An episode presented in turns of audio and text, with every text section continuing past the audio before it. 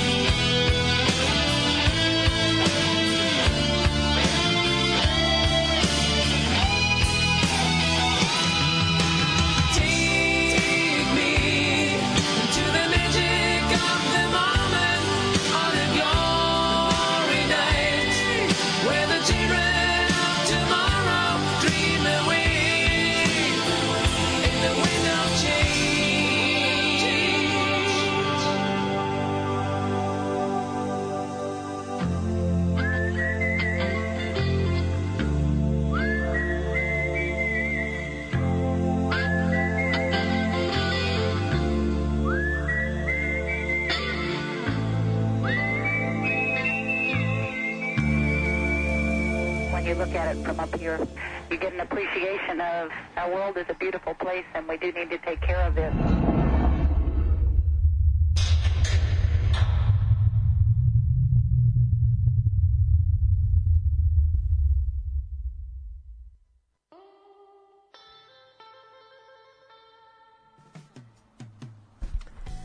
Dobro veče. Družimo se večeras 79. put. Um, bez sad, ajde, nekog preteranog uvoda, reći ću vam da kategorija pesama o kojoj ću vam danas govoriti su pesme inspirisane stvarnim događajima. A, te smo na početku čuli Scorpionse i njihov pa verovatno najveći hit, uh, single sa 11. im albuma Crazy World.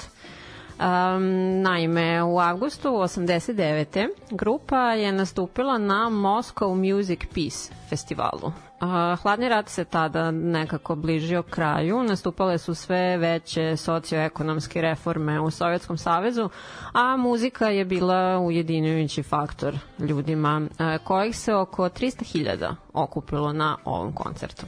E sad kako je Klaus naveo, on je sedeo u Gorki parku na obali reke Moskve, razmišljao o dešavanjima u toj državi, uopšte u svetu, I otud i taj, ti početni stihovi I follow the Moskva, down to Gorky Park, listening to the wind of change. A pesma se takođe dovodi u vezu i sa padom Berlinskog zida, na čijoj su je desetoj godišnjici oni izveli na nastupu kod Bradenburške kapije, a u Nemačkoj je ova numera izabrana kao pesma 20. veka i dalje izvode uživo, a od prošle godine je to sa malo izmenjenim tekstom koji glasi ovako. Now listen to my heart, it says Ukraine, waiting for the wind to change. U vezi sa čim Klaus kaže da u ovom užasnom periodu strašnog i nepotrebnog rata u Ukrajini nije vreme da romantizujemo Rusiju te uh, u sledećih možda nešto malo više od sat vremena, sada sam imala malo više slobodnog vremena, a, sam vam pripremila pa zaista razne numere sa a, pozadninskim pričama koje su se meni na, a, koje su meni delovale interesantne tako da se nadam da će se i vama svideti. Uživajte.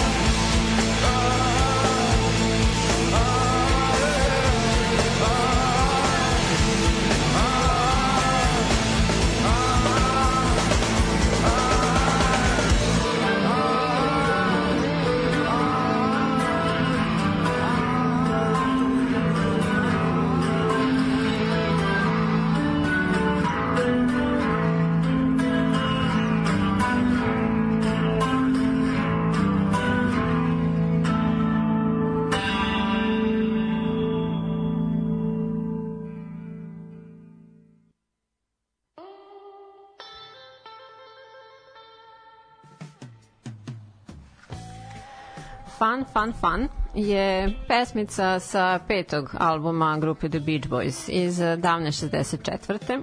I jedna je od mnogih njihovih koja je definisana takozvani kalifornijski mit. Sad objasnit ću vam šta je u pitanju. Generalno popularna muzička estetika umetnika iz Južne Kalifornije ranih 60-ih koja je obuhvatala tu plažnu kulturu, surfovanje, vožnju hot rodova i sve to neko bezbrižno doba nevinosti. A debi single Beach Boys a Surfing bio je začetnik ovog životnog stila ubrzo pretvorenog u američku mitologiju. A u nastupajućim godinama taj zvuk je ipak evoluirao u nešto malo muzički ambicioznije i manje se bavio surfom i kolima, a više socijalnim i političkom osvešćenošću te je svoj komercijalni vrhunac dostigao 70-ih mahom uh, hitovima grupe The Eagles. E sad nazad na uh, ovu pesmu. Navodno se stihovi delom dotiču i nekih događaja iz života Denisa Wilsona, to jest bubnjara grupe. A u svakom slučaju govore o devojci koja je uh, uzimala tatinog uh, Forda Thunderbird iz 63 kada je išla u biblioteku da uči. Međutim, ovom jednom prilikom se odvezla u neki dajner da bleji sa društvom i kada je tata to saznao, zabranio je da nadalje koristi auto a pošto je ta devojka, mislim, ta stvarna osoba, radila neki part-time job na radio stanici u čijem se programu žučno žalila na sav taj incident u momentu kada su Beach Boys tu bili na radiju radi nekog intervjua i dobili su ideju da naprave ovu pesmu. A zatim Baba O'Reilly, uvodna je numera u peti album grupe The Who, naziva Who's Next iz uh, 71. E, Roger Daltrey naravno peva većinu teksta, a Thousand uskače uh, samo u onom delu Don't Cry, Don't Raise Your Eye, It's Only a Teenage Wasteland. A taj termin, Teenage Wasteland, se često pogrešno smatra naslovom ove numere zbog čestog ponavljanja, ali jeste je bio radni naziv u okviru Lifehouse projekta, što je trebalo da bude rock opera, nastavak Tomiju ali nikada nije završena i pesme koje su bile planirane za tu svrhu našle su se na nekim drugim njihovim izdanjima. A po završetku nastupa grupe na The Isle of Wight festivalu 69. Poljana je bila pokrivena smećem, što je Townsend dalo ideju za taj termin Teenage Wasteland. A u jednom drugom intervjuu rekao je da e, je inspirisano i apsolutnim ništavilom koje je omladina Woodstocka ostavila iza sebe, a i u sebi ponela kući, pošto su se tamo rukali koje kakvim haluđama od kojih su mnogi zapatili možda na oštećenja. A ironija je u tome što su slušalci pogrešno shvatali poruku ove pesme, videći je kao neko slavljanje tinejdžera i njihovog uživanja u životu. A najzad, stvarni nazav ove pesme, dakle Baba O'Reilly, na, odnosi se na dve osobe koje su bili poprilični Thousandov idoli u tom periodu. Indijski spiritualni guru Meher Baba, koji je za sebe govorio da je avatar, bog u ljudskoj formi i tako dalje, koji je zapravo prvi skovao onu frazu Don't worry, be happy, nama bližu u izvođenju Bobby McFerrina.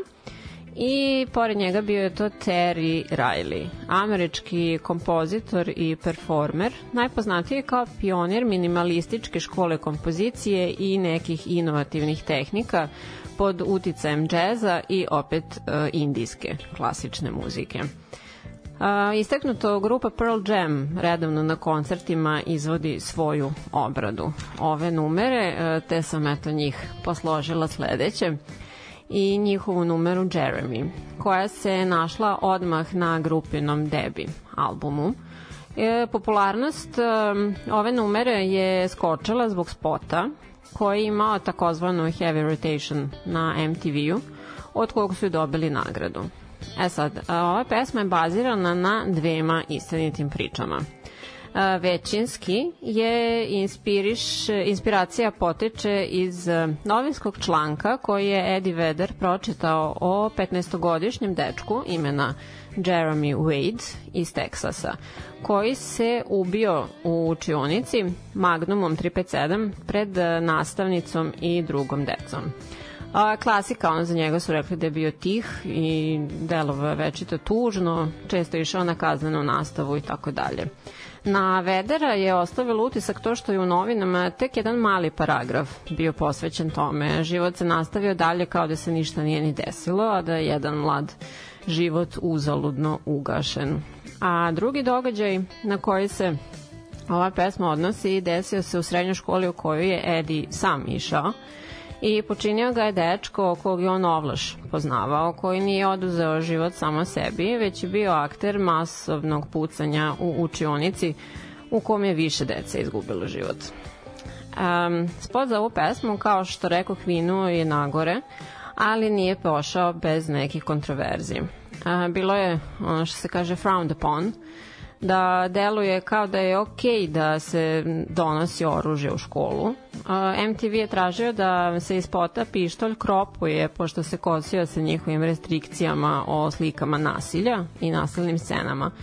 A, takođe u jednom momentu u spotu deca naprave gest salutiranja što je bilo upitno da li se radi o rimskom ili naci salutiranju. A četiri godine kasnije došlo je, mislim po izlasku ove pesme, E, došlo je do pucnjeve u srednjoj školi u Vašingtonu e, koja je rezultirala sa troje mrtvih i četvora povređenih i tužioci su tvrdili da je počinilac tada 14-godišnji dečak ideje za planiranje ovog zlodela dobio iz pesme Jeremy, e, te romana Stephena Kinga Rage i filma Natural Born Killers. A opet, tri godine nakon toga, desilo se Columbine High School shooting od strane dvojice učenika te škole u kojoj je uključujući njih dvojicu 15 izgubilo živote. A, mislim da u pitanju država Colorado da je to najveći kao mass shooting u toj državi do danas. Ovaj događaj nije dovođen u vezu sa pesmom Pearl Jam-a, ali jeste uticao da ona nadalje sasvim redko biva puštana na MTV VH1 kanalima. U današnje vreme najčešće je, kako sam pročitala, možete čuti um, u hard rock kafejima.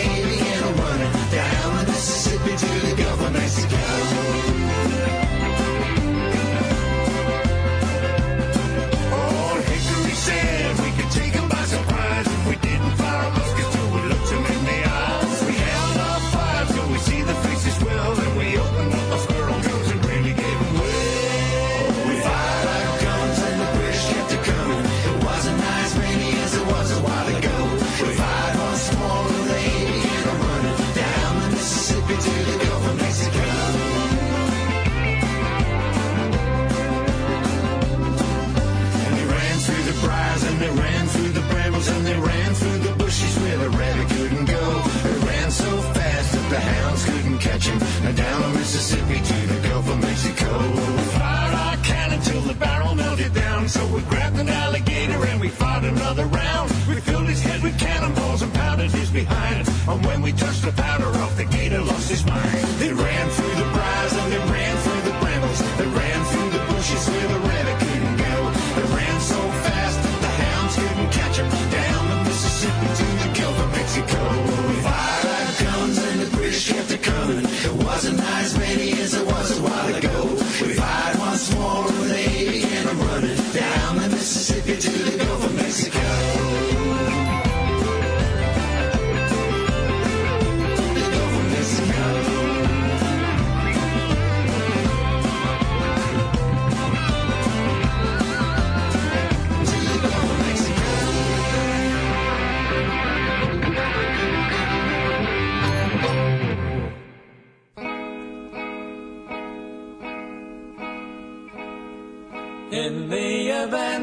something happening to me, there is something I would like you all to see.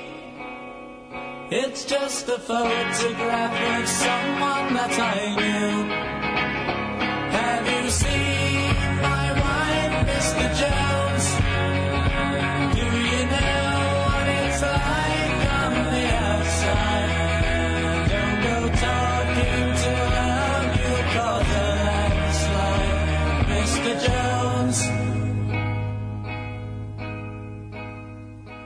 I keep straining my ears to hear a sound. Maybe someone is digging underground. Or have they given up and all gone home to bed? Thinking those who once existed must be dead. Have you seen my wife,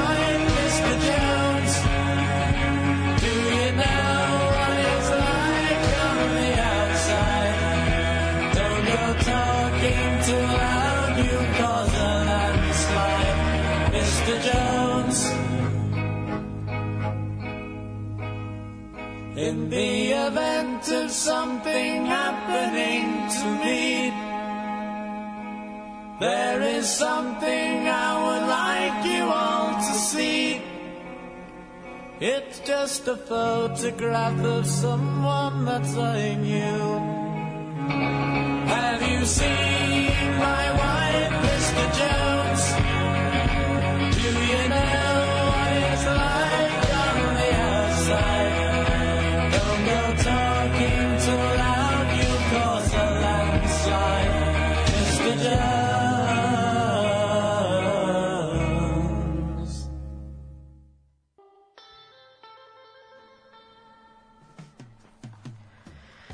Shoot to Thrill poslužila je kao soundtrack filmu Iron Man 2. Uh, te se spot za nju sastoji mahom od scena iz tog filmskog ostvarenja.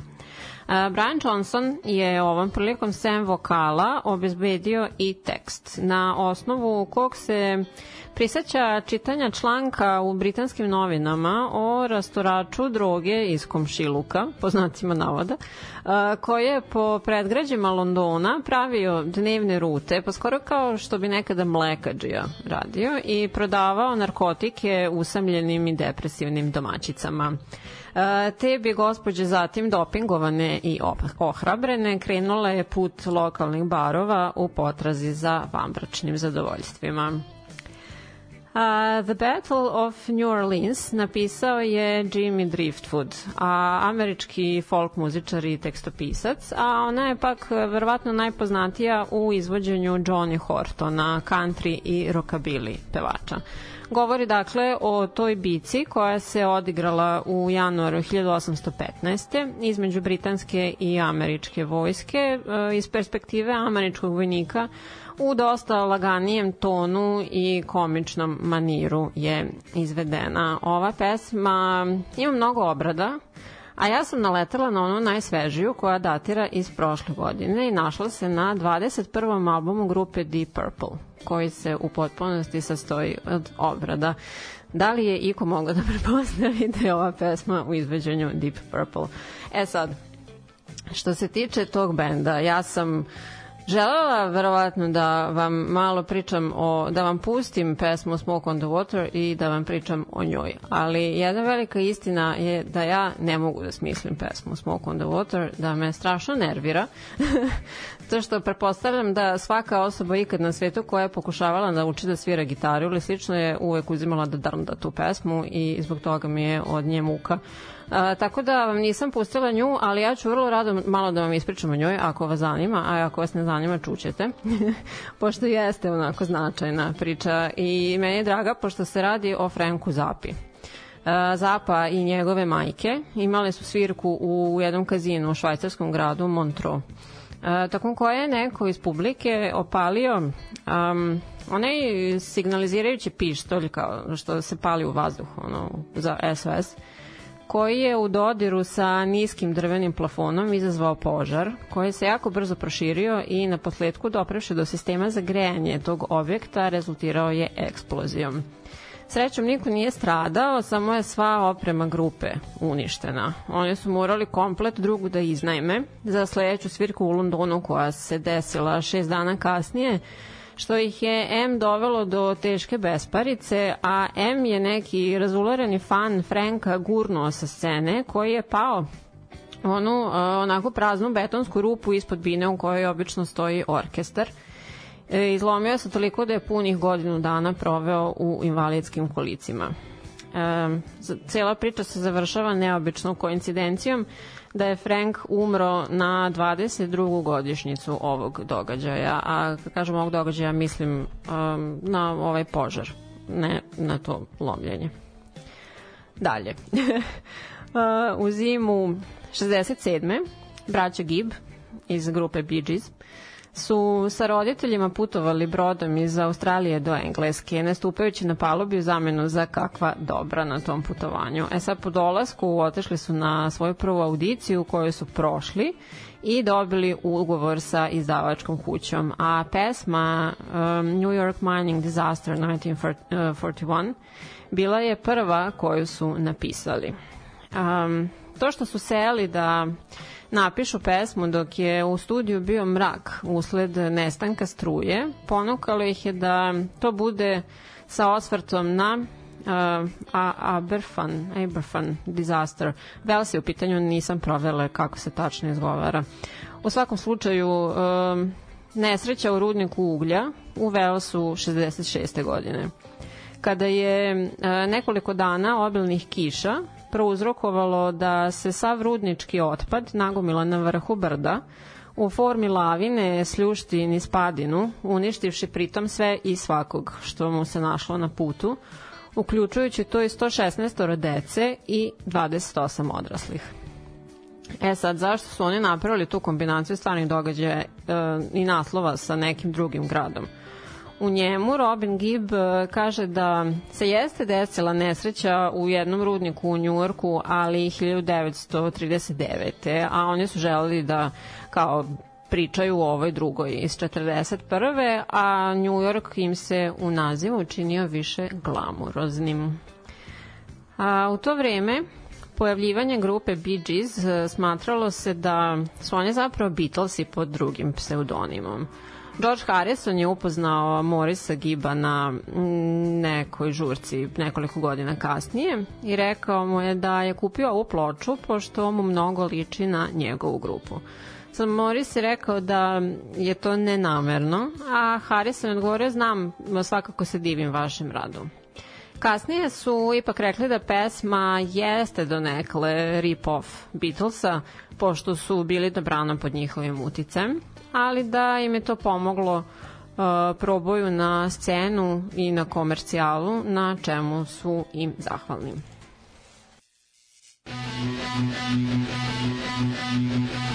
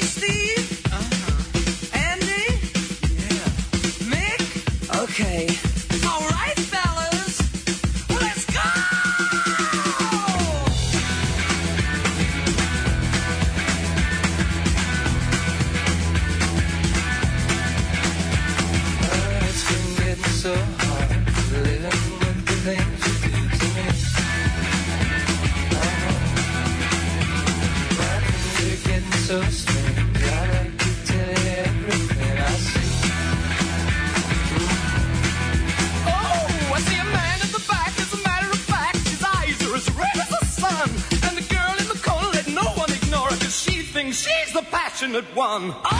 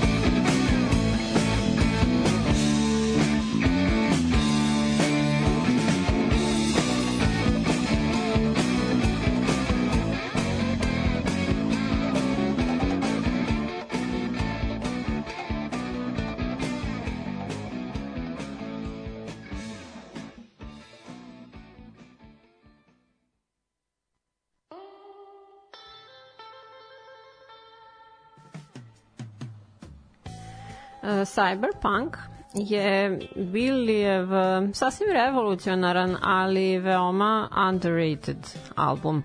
A, U spotu za ovu pesmu Shock to the System vidimo distopijsku budućnost koju kontrolišu cyber policajci. Oni tuku čoveka i ostavljaju ga bez svesti da leži na zemlji i nastavljaju dalje da kao, rešavaju neke nerede.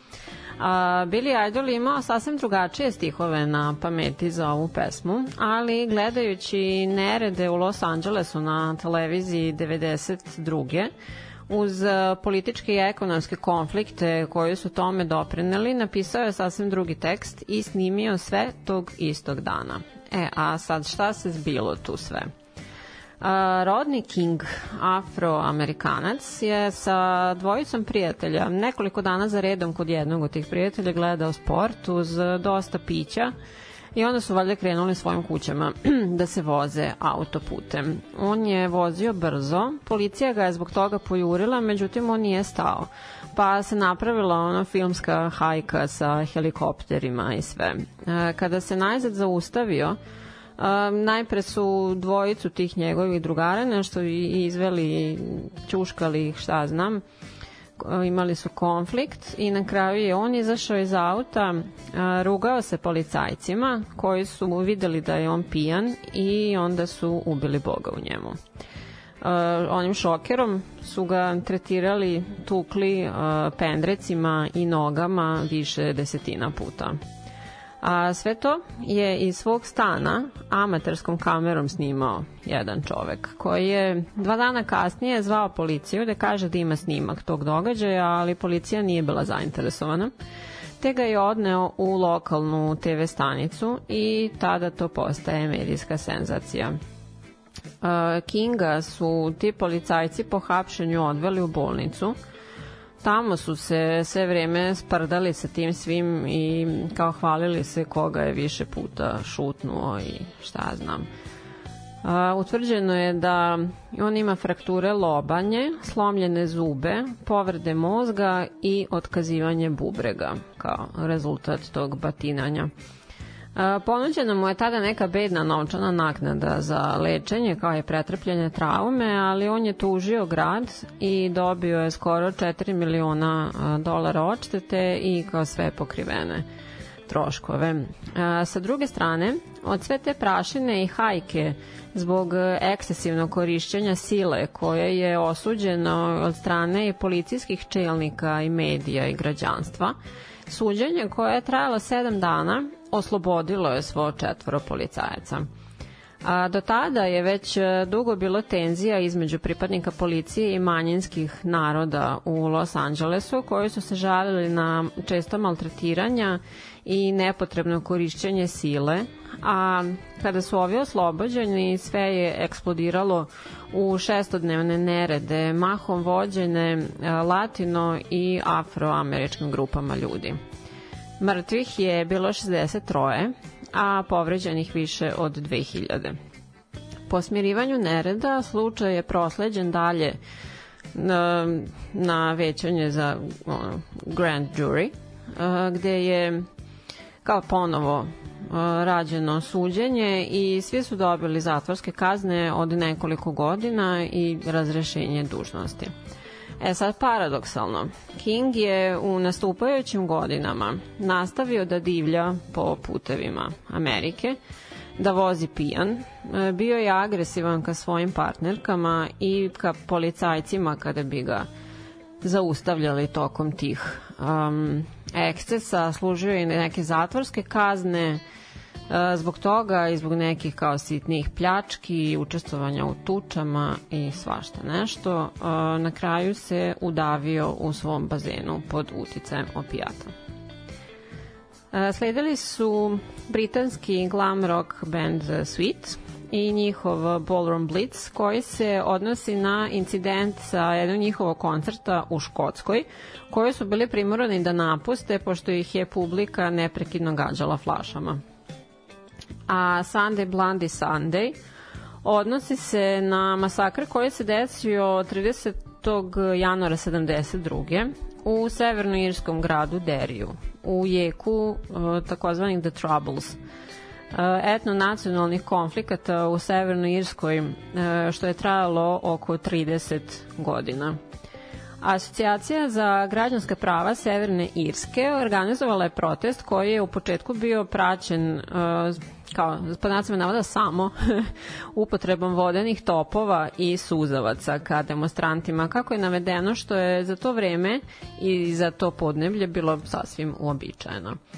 A u jednom momentu u komandni centar su stigle spekulacije o prisustvu snajperista uh, IRA u gradu već zahvaćenom nemirima i tada se up, uh, odobrava upotreba sile i oružja prema demonstrantima.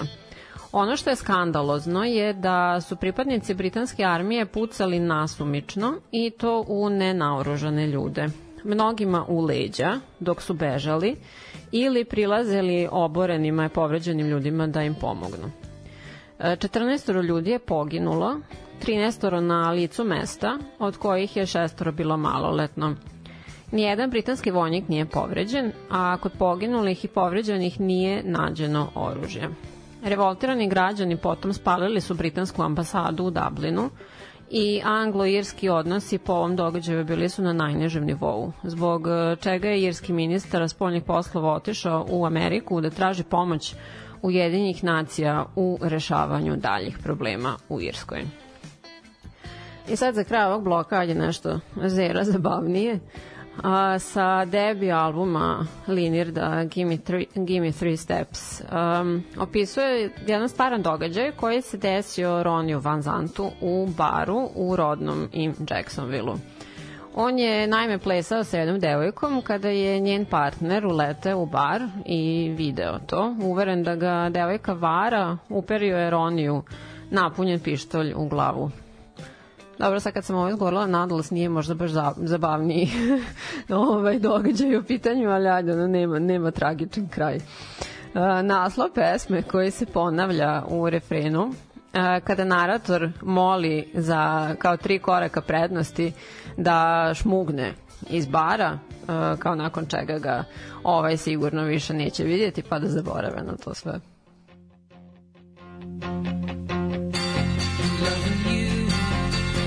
The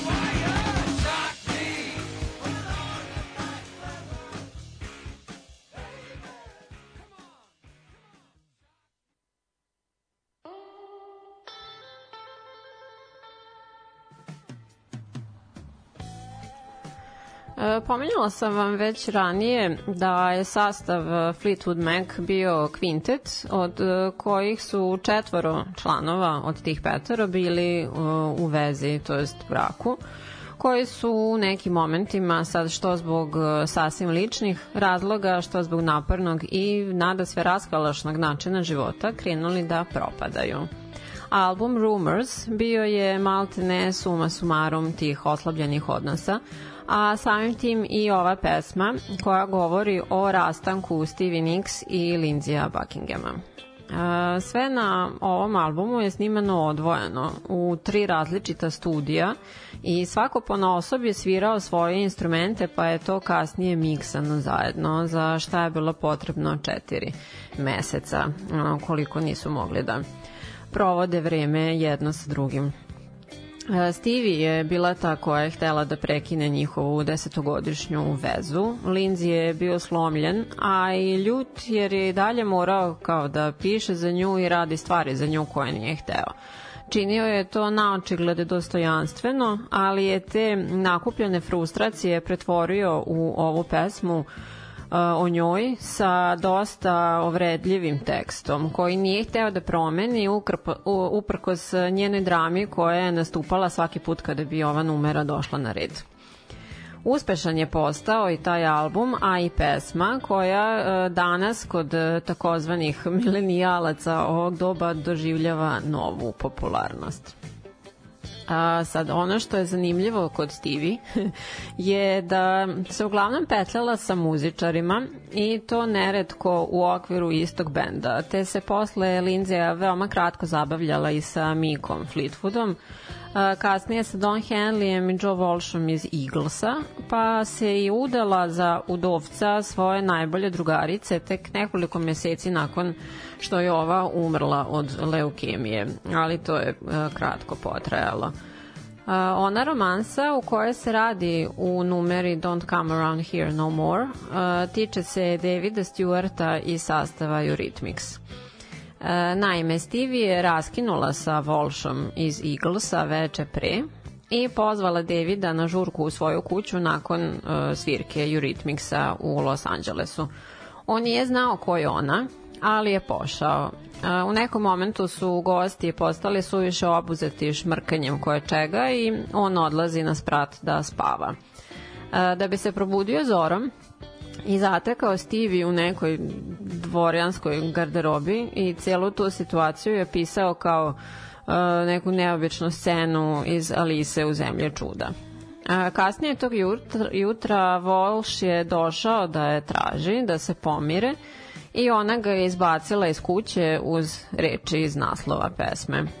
Uh, Stewart je o ovome svemu pričao u intervju kod Howarda Sterna i ova pesma je kolaboracija uh, njega i Toma Petija, uh, čijem se jednom od najboljih pesama smatra, a spot je blesav, skroz je u tom maniru Alice u Zemlje čuda. Life Goes On je pa power ballad glam rock grupe Poison. Uh, Sissy DeVille je autor ideje za ovu pesmu. On govori o njegovoj devojci koja je ubijena vatrenim oružjem u barskoj tuči u Palm Springsu u Kaliforniji i pokušavanju pronalaska svetla na kraju tunela kako se život nastavlja. Ja sam pokušala da pronađem ikakav pisani podatak o tom događaju da bih videla eto malo pobliže o čemu se to radilo, ali stvarno nisam uspela. I na kraju čuli smo Shock Me, koja datira iz 77. e, sa šestog albuma grupe Kiss Love Gun. U, njih, u okviru njihove Rock and Roll Over Tour uh, svirali su na Floridi i tokom izvođenja prve pesme lead gitarista Ace Frehley dodirnuo je neku metalnu konstrukciju koja nije imala dobro uzemljenje, te ga je udarila struja i on je brečio na pod bez svesti. Koncert je odložen za pola sata, ali je ipak održan. A Ace kaže da mu je kao podsjetnik na ovaj koncert ostao smanjen osjećaj u toj ruci. On je potom napisao ovu pesmu sasvim sam i prezentovao je grupi. Uh, on je pisao mnoge pesme do tada za grupu, ali ovde prvi put pevao lead vokale, zbog čega je bio veoma nesiguran, te ih je uh, snimao ležeći na podu. Od tada je to postala njihova te, kao ne, u stvari njegova tematska pesma za grupu. Izvodili su je redovno do 2012 dok e, nisu mesto nje ubacili onu e, čiji je solo autor Tommy Tyre koji je na Ace-ovom mestu u bendu. I uh, evo tačno sat i po vremena uh, smo se družili, time ću završiti ovu večerašnju epizodu koja se sastojala od svega i svačega, ali sa meni barem interesantnim pozadinskim pričama. Nadam se da vam se svidelo. Ako jeste, otidite na patreon.com kroz večernja škola i pretplatite se ili ne znam, eto, tu aktivna sam na Facebooku i na community kao i obično, tako da uh, to je to. E da, uh, sledećeg utorka se nećemo družiti. Um, od 1. aprila imam nekih privatnih obaveza nekoliko dana što moram da rešavam, tako da nema šanse da stignem da se posvetim emisiji, tako da one tamo nedelje časkamo ponovo u tada će to biti 80. put. Hvala na slušanju i čujemo se za dve nedelje. Ćao!